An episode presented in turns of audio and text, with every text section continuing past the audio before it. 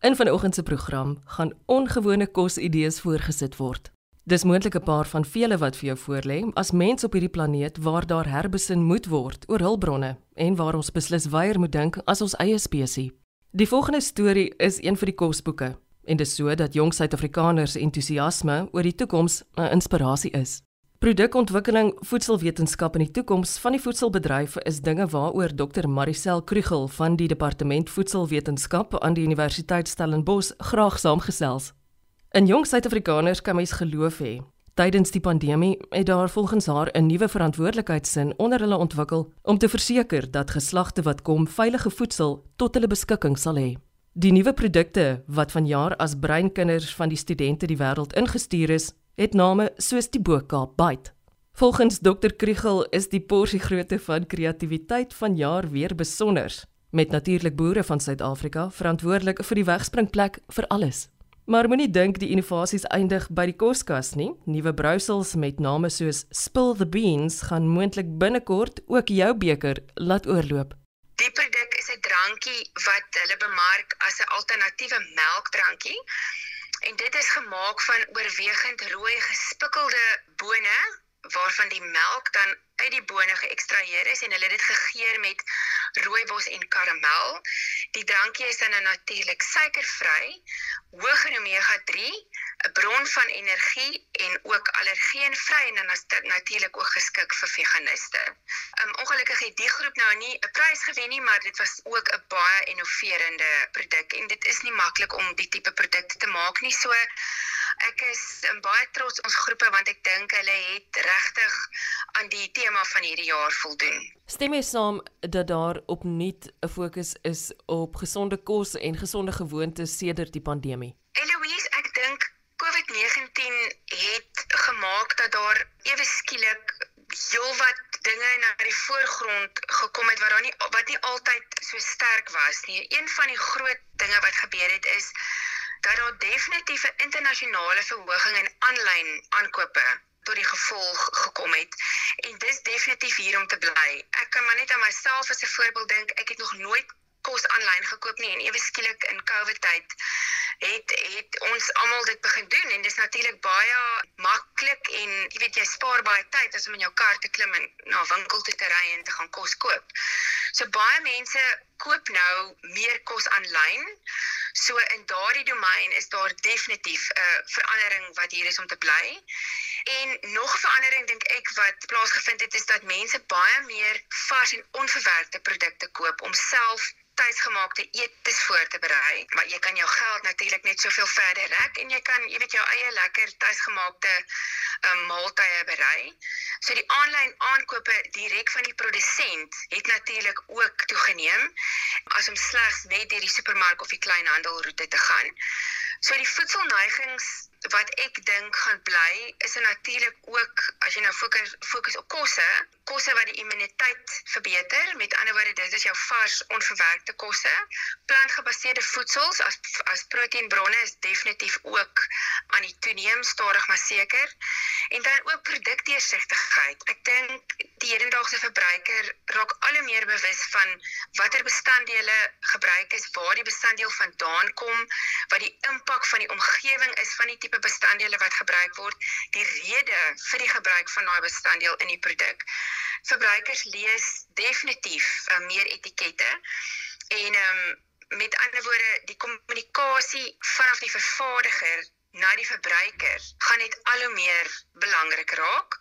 En dan 'n uh, vierde trend wat ek definitief opgetel het is volhoubaarheid. Ehm um, as vervaardigers loyale verbruikers wil behou, dink ek sal hulle moet fokus op volhoubaarheid. En wat ek nou daarmee bedoel is dan waar bestanddele vandaan kom, waar hulle gekry is, hoe die produkte vervaardig word en natuurlik die tipe verpakking wat gebruik word. Ek kan nog byvoeg dat hoe ons studente kyk daarna, want ons probeer dit ook natuurlik daarop fokus en NPD omdat dit so 'n groot onderwerp is wêreldwyd is Die studente in produkontwikkeling probeer fokus op verpakking wat herwinbaar is of wat komposteerbaar is, maar dit het 'n groot invloed op die kostes van jou finale produk.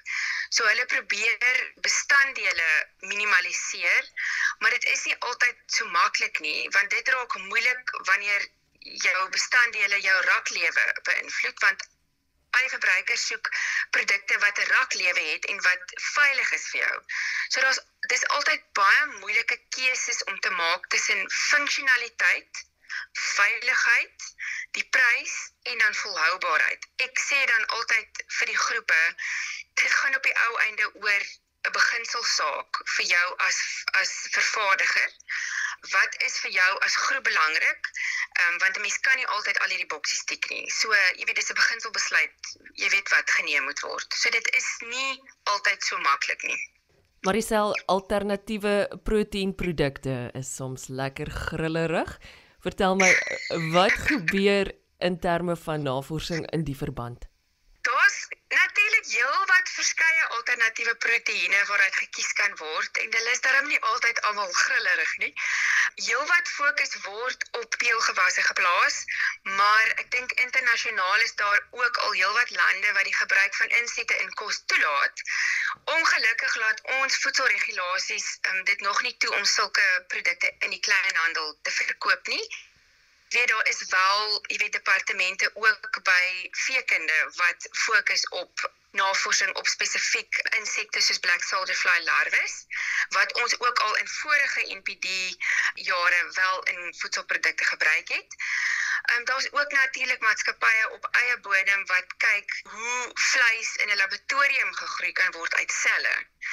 Dis nou natuurlik 'n hele ander manier om oor vleis te dink en op vleis te kyk, maar daar's nog natuurlik baie navorsing, jy weet wat daar gedoen moet word voordat dit 'n hoofstroom proteïenproduk sal raak, en veral as dit by 'n massaproduksie kom. So daar's baie navorsing aan die gang.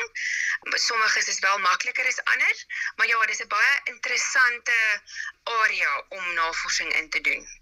Marisel sê my watter praktiese bydraes word tot die lewens van die verbruiker gemaak met geleenthede soos die? Ek dink daar's soveel verskillende produkte byvoorbeeld wat ons studente nou kan ontwikkel. Ek gee vir hulle nou die oorkoepelende tema, maar binne die tema is die keuses wat die studente kan doen legio. So ek probeer om nie hulle kreatiwiteit, jy weet, in 'n blikkie te druk nie. So die produkte strek oor 'n wye spektrum en daar is definitief dan nou iets vir elke verbruiker wat kan werk. Ehm um, daar is soveel ehm um, verskillende maniere van eet en maniere van doen en ek dink binne in ons NPD ehm um, probeer ons werk werklik vir die studente die ruimte te gee om om enigiets te ontwikkel solank hulle baie goed kan definieer en kan kan motiveer.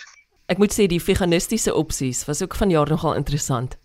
Ek dink ehm um, die studente is baie bewus daarvan. Ek dink daar is ook heelwat jong mense wat meer veganisties, vegetariërs, flexitarians, daar is soveel verskillende maniere van eet um, in die hedendaagse lewe. Ek dink hulle is baie bewus daarvan en ek ek vind jaar na jaar dat hulle definitief probeer om dit as nie spesifieke teikenmarkie maar om te probeer dat hulle produkte so ontwikkel dat dit daardie um, groep persone definitief insluit en nie uit te sluit nie.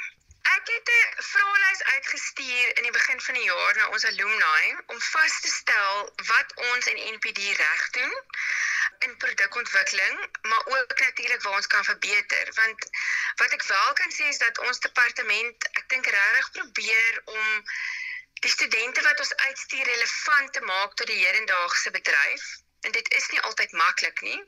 Ons probeer jaar na jaar regtig dink ek verbeter. Ek dink is duidelik te sien uit die feit dat ons volgens die 2022 Shanghai ranglys se Global Ranking of Academic Subjects wat onlangs vrygestel is, is die US die beste universiteit in die land in voedselwetenskap. Ons is die enigste Suid-Afrikaanse universiteit wat op die ranglys vir voedselwetenskap en tegnologie is en ons val onder die top 150 wêreldwyd. So ek dink dit is nogal dit spreek boekdele. So net kortliks agtergrond die Shanghai ranglys um, het in 2009 begin om wêreldranglyste vir universiteite volgens akademiese vakke uit te gee en die ranglys gebruik dan 'n reeks objektiewe akademiese aanwysers en ook derde party data om die prestasies van universiteite in toepaslike onderwerpe te meet. Dit sluit nou in uitsette, navorsingsinvloed, internasionale samewerking, navorsingsgehalte en dan ook internasionale akademiese toekenning. So hulle kyk na 'n wye reeks aspekte om te bepaal of jy op die ranglys gaan wees al dan nie. En dan ook miskien iets interessants, uh, my kollega professor Gous, hy is 'n spesialis in voedselveiligheid en ek dink um, jy ken hom ook baie goed. Hy het 'n boek geskryf tesame met Mikaela van den Hoenert met die titel Living with Little Monsters en hy sê daar is geen punt dat wetenskaplikes sit met al die inligting nie en dit nie deel met die publiek om om die wêreld 'n beter plek te maak nie. So ek wil maar net noem Housan Media Dop van sy boek uh, vrystelling um, is een van die dae ook ook hier en ek dink dit is nogal 'n interessante boek om om deur te gaan. En dan kan ek maar net sê ek dink um, voedselwetenskap is 'n baie relevante, interessante, dinamiese graad om te hê en almal moet altyd eet so jy gaan definitief altyd werk hê en ek dink dit is nooit 'n statiese area om in te werk nie want dinge ontwikkel verskriklik vinnig en ek dink dis 'n baie dis 'n baie lekker veld om om in te werk. Ek is die dosent wat verantwoordelik is vir die voorgraadse module uh, produkontwikkeling. Hierdie is so 'n groot vak. Ons bou nou al 6 jaar aan dit. Dr Marisel Krugel is verbonde aan die departement voedselwetenskap aan die Universiteit Stellenbosch. Dis gaaf om te dink dat daar in die koskas van die toekoms nuwe innoverende produkte gaan wees om aan te smil. Dit te danke aan die toegewydheid en kreatiwiteit van jong navorsers. En of dit nou vir baba of ligbraaier bedoel is, kan ons trots wees daarop dat plaaslike wetenskaplikes op die voorgrond bly as dit kom by die ontwikkeling van veilige en voedsame kos. By dese wil ek jou ook aanmoedig om met jou volgende winkelrak besoek die handewerk van ons boere in gedagte te hou. Jy het pas geluister na RSG Landbou. Ek is Eloise Pretorius en ek wens jou 'n wonderlike Saterdagmiddag. Totsiens.